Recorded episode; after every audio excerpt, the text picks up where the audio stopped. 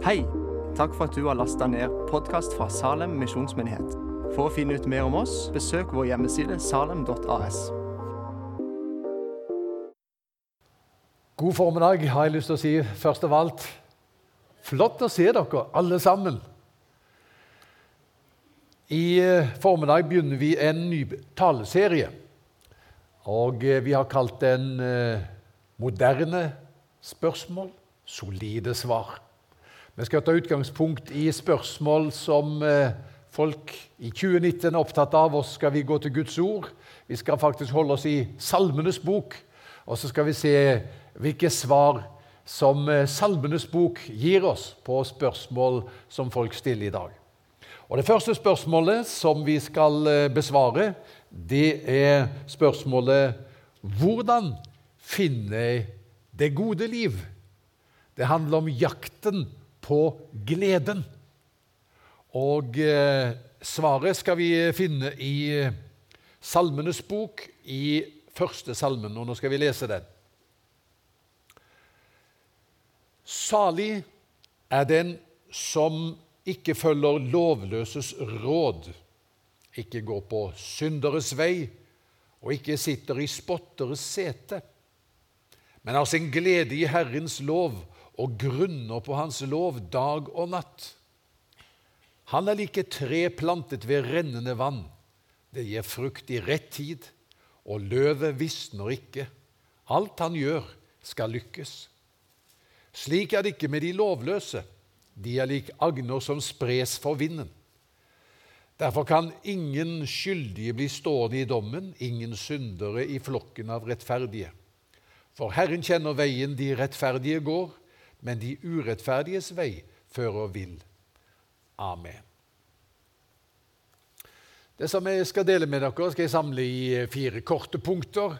Og Det første punktet det er rett og slett uh, dette Du kan bli en glad person. Du kan finne det gode liv.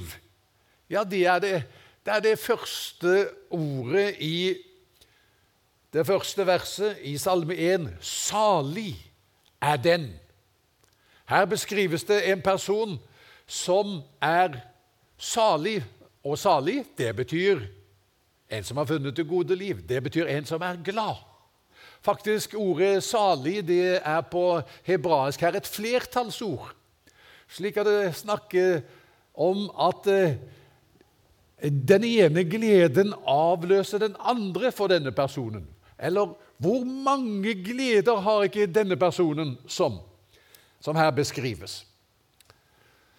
Dette at du kan eh, bli en glad person, det er jo Da vi var barn, i alle fall, så var ikke det oppsiktsvekkende. Det var eh, det, naturligste av verden. Jeg har lest et sted at eh, barn ler 300-400 ganger om dagen, faktisk.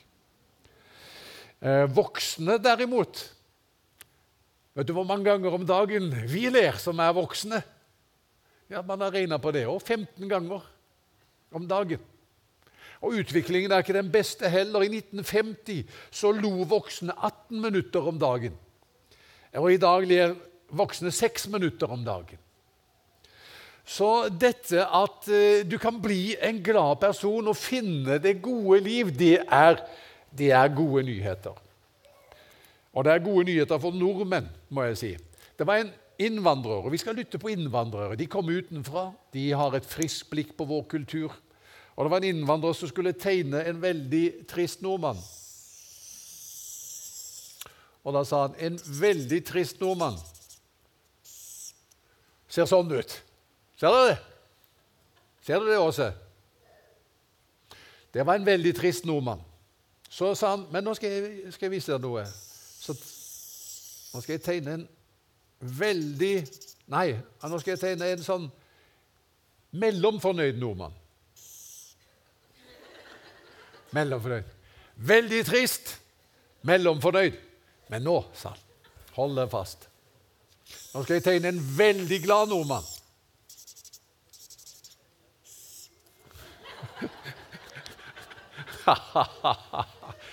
veldig trist, mellomfornøyd, veldig glad. Så dette at eh, du kan finne det gode liv og, og bli en glad person, det er gode nyheter for oss nordmenn. Vi kunne jo ha lært noe av danskene. Det var en, en dansk kunstner som levde for 100 år siden. Han het eh, Peder Krøyer. Du kan vise det bildet av disse glade menneskene av Manuel. Nei, det var ikke det. Var ikke det. Nå tok vi det i feil rekkefølge. Der ødela du poenget mitt, faktisk. Men det er greit. Ta det en gang til. Kom igjen. Nei, ikke det heller. Ikke det. Vi begynner å nærme oss. Ja, nå, nå, har du sett alle bildene som vi har. Det var, eh, det var den, disse som er i, i, denne parken, vet du. De som er så glade i den parken. Der, ja! Der har vi det. Peder Krøyer. Og de er eh, et, eh, da en fremstilling av det danske lynnet. Han tar det jo på kornet. Og så var det jo dette som dere nå fikk se, da. Samtidig med Peder Krøyer levde denne mannen som tegnet det neste maleriet av Manuel. Og det er ikke sant. Nå er det ingen som lo, for du hadde sett det allerede. Men altså, de er, de er, de er Edvard Munch. Levde samtidig med denne Peder Krøyer. Så der har vi det danske, og så har vi det urnorske. ja. Så det er jo en som sa at, at nordmenn kan trygt være glade.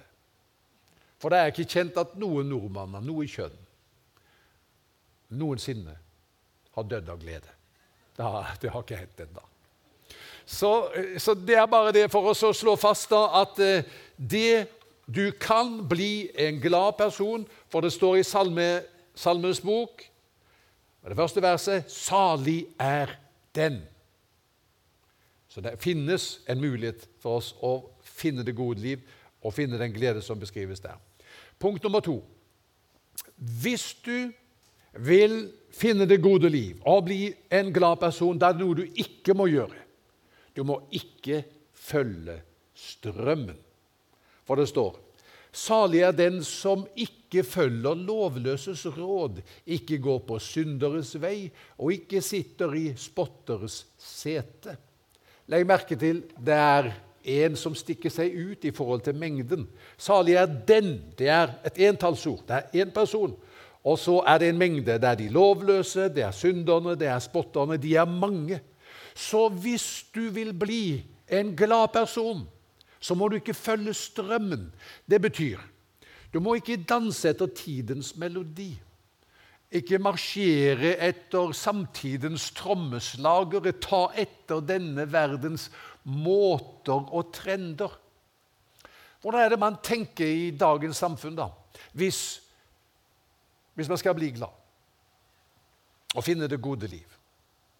Hva er denne verdens filosofi? For det første, det kjennetegner lovløse syndere og spottere. De sier 'glem Gud'. Det er så selvfølgelig at vi nesten ikke tenker over det. Men det ligger i bunnen av alt. Glem Gud. Det finnes ingen Gud, sier de. Visste du at det står i Bibelen, forresten?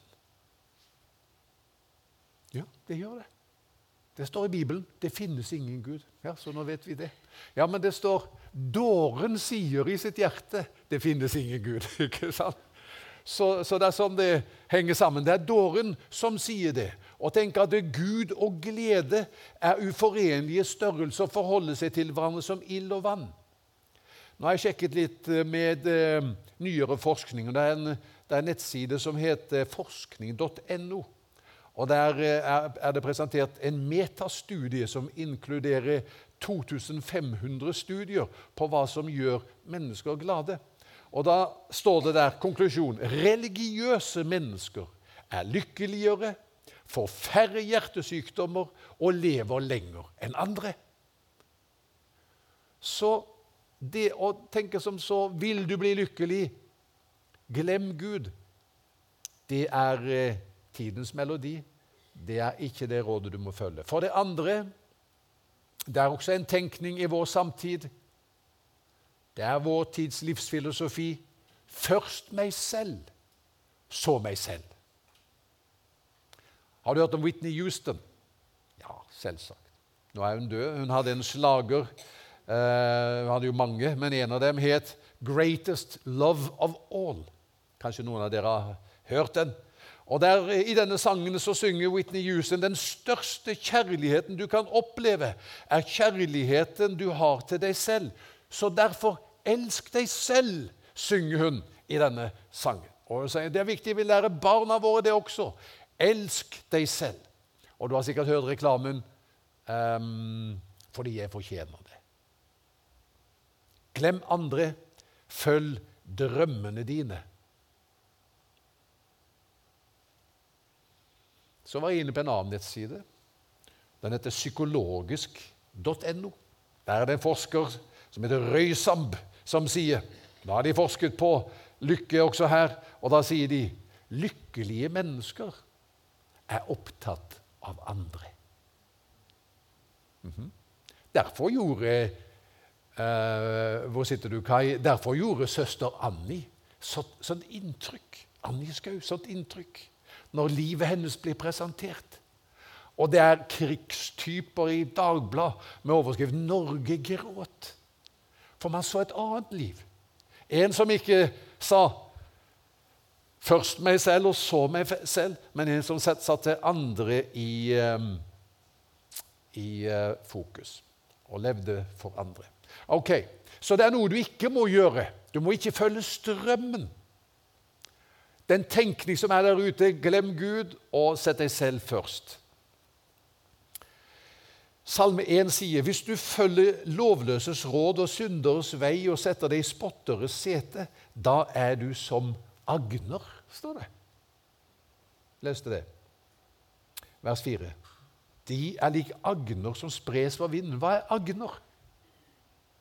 Ja, det kjenner vi til. Agner det er jo Eh, dette hører jo eh, kornhøsten til. Man tresker kornet. Og i gamle dager, når man skulle skille det spiselige fra det uspiselige, så tok man kornet man hadde tresket, og så kastet man det opp i luften, og agnene, skallet, dette her som man ikke kunne spise. Det er så lett.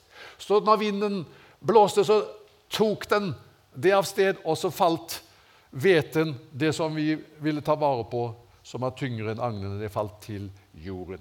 Og Skriften sier at eh, Gud har noe bedre for deg enn å være som agner som blåser av sted med vinden. Salme 1 beskriver et liv der du er eh, som et tre plantet ved rennende vann. De gir frukt i rett tid, og løvet visner ikke. Alt han gjør, skal lykkes. Det er det som du kan få del i. Et tre som bærer frukt. Du vet når du har møtt et sånt menneske som bærer frukt. Vi vet frukten er til for andre. Et tre spiser ikke sin egen frukt. Og når du har møtt et menneske som bærer frukt, så kjenner du ah, jeg, Du går så styrket fra et sånt møte. Så beriket. Du, det er som å ha spist et godt måltid, er det ikke det? da? Fordi det er et menneske som bærer frukt. For det andre så står det altså at eh, løvet visner ikke. Det betyr det er alltid grønne blad. Du kan bli en person som alltid er vital. Alltid spennende å møte. Alltid levende helt ut til fingerspissene. Levende, ikke gått ut på dato grønne blad. Og så står det alt han gjør, skal lykkes. Hm.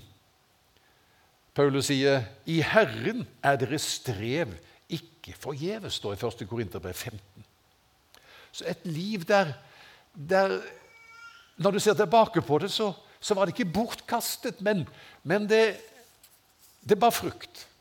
Ok, så det er hva, hva Skriften da sier. At det eh, er en mulighet for deg. Når du ikke følger strømmen, da blir du som agner. Men du kan være som et tre som bærer frukt med grønne blad. Og det du gjør, skal lykkes. Hva er da oppskriften? Og det er det tredje punktet. Strekk røttene mot vannet. Faktisk talt så er det en bok som kan gjøre deg til en sånn person som beskrives som dette treet som jeg har skildret. Det er en bok som kan gjøre deg til en sånn person. Visste du det? Ja, jeg tror du visste det. Det står i vers 2 om denne personen. Han har sin glede i Herrens lov og grunner på Hans lov dag og natt. Den personen er som dette treet som er skildret. Har sin glede i Herrens lov. Grunner på den. Hva er Herrens lov? Ja, For eh, salmeforfatteren her var nok Herrens lov eh, mest sannsynlig de fem Mosebøkene. Og det å grunne på de fem Mosebøkene står her, og, og eh, meditere på dem, det, det gjør noe veldig godt med deg. Og så vet vi at vi som lever i dag, har jo mer enn de fem Mosebøkene. Vi har 66 bøker.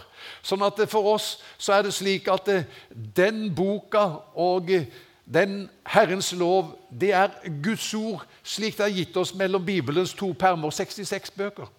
Og når du har din glede i denne boka og grunner på det som står der, da skal dette skje i livet ditt. Er det ikke fantastisk? Jeg har noen ganger tenkt Den som hadde hatt to liv Jeg har tenkt på det noen ganger. Jeg vet ikke om noen av dere har gjort det. Den som hadde hatt to liv. Ett til å gjøre feil i. hadde vært supert. Og så ett liv etterpå, der du med all lærdommen fra det første livet kunne ta fatt på det nye. Hadde ikke det vært fint? Det hadde vært kjempebra. Sånn er det ikke. Det er ikke noen generalprøve på livet engang. Du er der bare kastes bare rett ut på scenen, og så er du i gang med livet. Men vi er ikke overlatt til oss selv. Vi har Guds ord. Vi har Herrens lov, vi har de 66 bøkene. Og nå skal du altså, Guds ord det har sånn kraft i seg. Det gir tre ting. Mye, mye mer enn det, men nå skal du få tre ting. Det er lett å huske. Det, det, det, det rimer. For det første Guds ord informerer. For det andre Guds ord korrigerer. Og for det tredje Guds ord inspirerer. Og eh, først da Guds ord informerer. Hvordan skal jeg få del i det gode liv?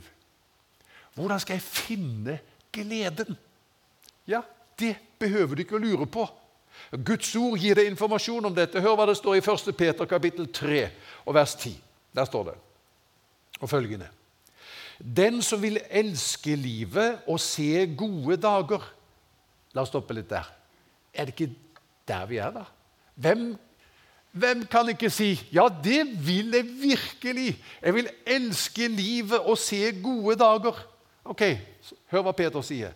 Da må du holde tungen borte fra det som er ondt, og leppene borte fra svikefull tale. Altså vær ærlig. Han må vende seg bort fra det onde og gjøre det gode søke fred og jage etter den. Det som vi ser her, det er at gleden finner du ikke ved å søke gleden. Og Det er jo interessant når du går inn på psykologisk.no eller på forskning.no, så tenker jeg Det er jo som forskerne og vitenskapsmennene de faglærte de klatrer oppover kunnskapens fjell. Sånn ser jeg det for meg. De klatrer oppover kunnskapens fjell. Og når de kommer til toppen, hva oppdager de da? Der sitter de som har lest i Bibelen. De har sittet der hele tida. Vi har vært der hele tiden. Vi visste dette, her, så de holder på å finne ut. At de måtene å finne gleden på og søke livet på som, som er verdens veier, fører ikke fram. Du finner ikke gleden ved å søke gleden. Glede er et biprodukt av noe annet. Glede er, et, er, en frukt av at du gjør det gode. At du lever et liv i samklang med det som er Guds vilje og design og plan for deg.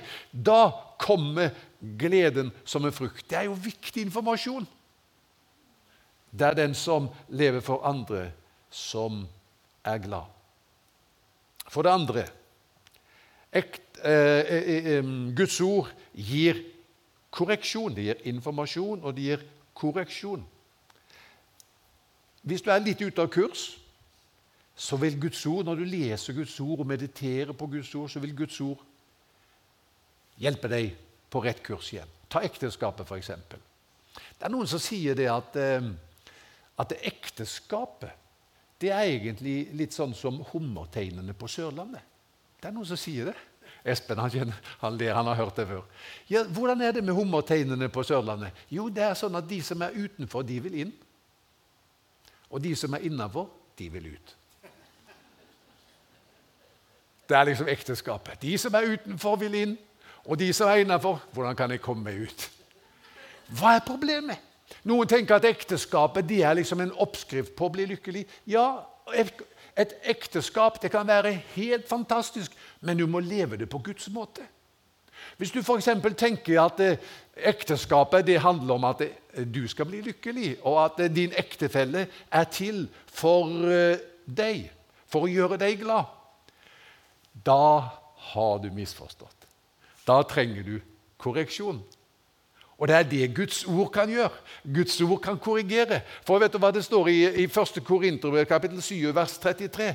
Der står det uh, hva det vil si å være gift. Det står slik Den som er gift, og det er om mannen uh, Den som er gift, er opptatt av hvordan han kan glede sin kone. Ser du at det er noe helt annet? Det er ikke kona som er til for å glede meg. Nå sitter Bent akkurat der borte, så, så, nå har vi litt å snakke om etterpå. Men jeg er til for å glede henne. Sånn tenker mannen. Men det står noe om kvinnen nå. Vet du hva det står om kvinnen i 1. Korinterbrev 7? Den gifte kvinnen er opptatt av hvordan hun kan glede sin mann. Ser du Bedre kan det ikke bli. Mannen er opptatt av hvordan hun kan glede kvinnen, og kvinnen er opptatt av hvordan hun kan glede mannen. Da er du innenfor det som er Guds design. Så Guds ord, det korrigerer. Og når du finner den, det rette sporet, så, så gir det deg glede. Det tredje informasjon, det andre korreksjon, og det tredje inspirasjon. Hvorfor inspirasjon? Fordi Bibelen handler om Jesus. Til syvende og sist så handler Bibelen om Jesus. Det gamle testamentet og Det nye testamentet handler om Jesus. Og I Bibelen møter du ham, og Bibelen peker også hen til ham, den levende og oppstandende, og du kan erfare ham i livet ditt. Det løfter deg ut av de alminnelige levevilkårene. Du får et nytt liv ved troen på ham tar han bolig i deg. Og eh, du får erfare hans kraft i ditt liv. Og da drikker du av kilder som før ikke var tilgjengelige. Jeg leste en definisjon på salighet, og den er som så. Eh, salig er det mennesket som erfarer Guds forløsende nærvær. Det er salighet. Et eksempel på det er Maria, som eh, fødte Jesus. Det står i Lukas 1 at hun lovpriser Gud. Hun sier, 'Min sjel opphøyer Herren, og min ånd fryder seg i Gud, min frelser.' For han har sett sin tjenestekvinne i hennes fattigdom. Og se, fra nå av skal alle slekter prise meg salig. Der har du det ordet. Salig er den. Sant? Fra Salmen, vers 1. Og fra nå av skal alle slekter prise meg salig, sier Maria. Hvorfor da? For store ting har han gjort mot meg. Han den mektige, hellig er hans navn. Hvorfor er det at mennesker priser Maria salig? For hun har opplevd Guds forløsende nærvær i sitt liv. Eh, Kristus er i henne, unnfanget i henne. Og det er jo sant om oss, vi som tror på ham. Kristus bor i oss. Og det er altså hva hva Skriften eh, eh, peker mot. og er, Det er liksom hensikten med Skriften at vi skal erfare samfunnet og fellesskapet med Han. Ser du? På denne måten så strekker du røttene mot vannet. Så når du har din glede i Herrens lov og grunner på Guds ord, på evangeliet Gleder deg over evangeliet om Jesus, hvem han er, hva han har gjort for deg, og hva han betyr for deg i dag, og at du har hans forløsende nærvær i ditt liv, hmm. da, da drikker du av det vannet som Herren gir. Det siste som jeg vil si, det siste punktet, det er at eh, det gode liv som Herren gir, og den gleden som Han gir, den er robust. Det er ikke sånn at eh, det treet som her beskrives i Salme 1, det er, et, det er en drivhusplante. Det er ikke sånn at det er under tak, dette treet. At det alltid er perfekt luftfuktighet, perfekt temperatur. Det er alltid den, den, den gjødselen som skal til, og den, den akkurat passe mengde sol for dette treet her. Det er ikke sånn at dette treet ikke kjenner til de alminnelige livsvilkårene. Det treet som beskrives her, som bærer frukt i rette tid. Og hvis blad ikke visner Det tre som er ute blant alle andre trær. Som vet hva det er når stormen raser og blåser gjennom greinene, så kanskje både kvister og greiner eh, knekker. Det vet hva det er å være utsatt for alt det som livet har å by på. Man er ikke unntatt liksom det som livet har å by på av utfordringer og vanskeligheter.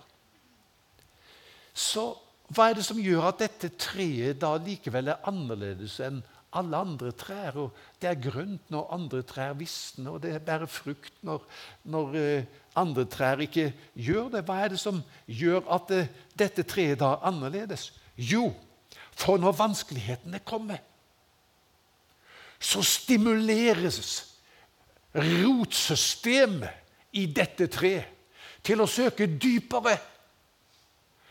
Nå er livet tøft. Nå må jeg strekke meg dypere ned mot der som jeg fra før har hentet all kraft og all glede fra. Nå må greinene mine strekke seg enda dypere ned mot dette vannet. Nå må jeg søke enda nærmere til Gud og Hans ord. For det er herifra at jeg har livet mitt. Ser du det? Så det er liksom ikke når du tror på Jesus lettvinte løsninger. Heretter så, så var det bare godvær, og du rir på en medgangsbølge, og, og, og, og du har gunstige ytre omstendigheter. Noen har sagt følgende definisjon på en kristen. En kristen det er en som er uredd, alltid glad og i konstant trøbbel. Ja, jeg likte den litt. Uredd, alltid glad og i konstant trøbbel. Går det an?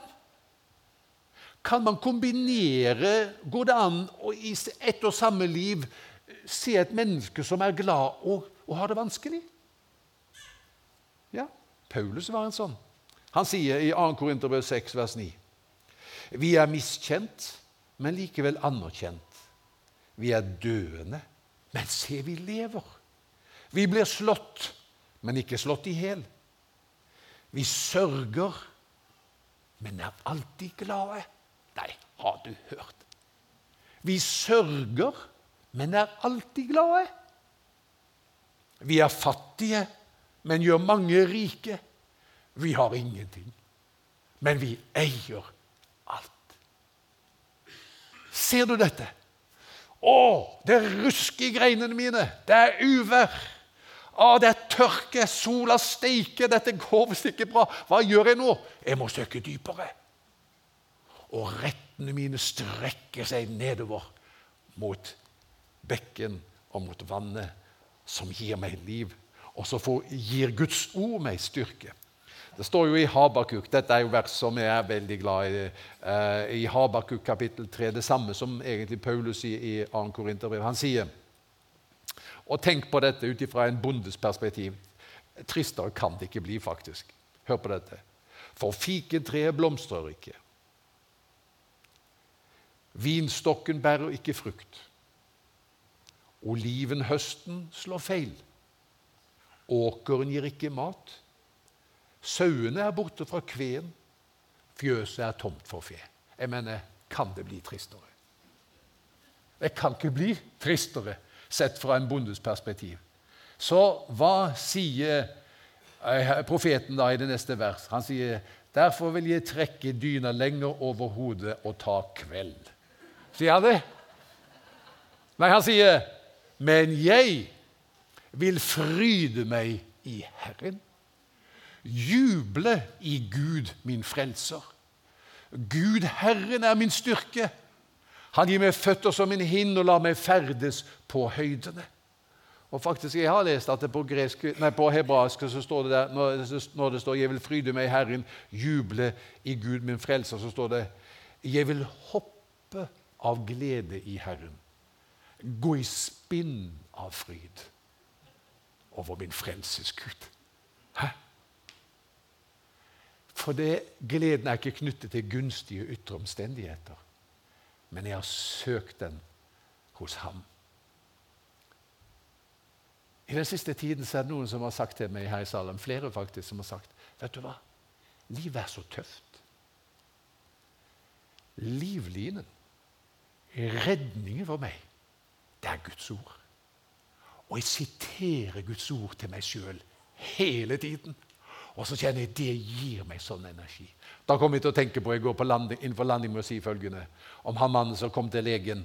og han var, Jeg tror alt hadde gått galt i livet hans. Og Han kommer til legen og sier 'Jeg er så deprimert'. Og Legen sier at du har hørt på ham. 'Ja, dette var ikke greit, men jeg har en oppskrift til det. Jeg har en resept.' Han skrev resepten. Vær så god. Han kikka ikke på det før han var kommet ut. Der sto det 'Les Salme 23 morgen, middag og kveld'. Like ofte som han hadde tatt piller skulle han lese Salme 23. Først ble han irritert. Så tenkte han han hadde betalt dyrt for den der, for det var sikkert en privatpraktiserende. Så det var, var betalt dyrt for den der oppskriften. Så han får hente fram Bibelen. Hente fram Bibelen. Herren er min hyrde. Jeg mangler ingenting. Han lar meg ligge i grønne enger. Han leder meg til vann der jeg finner hvile. Han gir meg nytt liv. Han leder meg på de rette stier for navnet sitt skyld. Selv om jeg vandrer i dødsskyggens dal, frykter jeg ikke for noe ondt. For du er med meg. Din kjepp og din stav, de trøster meg. Du dekker bord for meg, like for øynene på mine fiender. Du salver mitt hode med olje. Mitt beger flyter over. Bare godhet og miskunn skal følge meg alle mine dager, og jeg skal bo i Herrens hus gjennom lange tider. Morgen, middag og kveld leste han dette. I uker.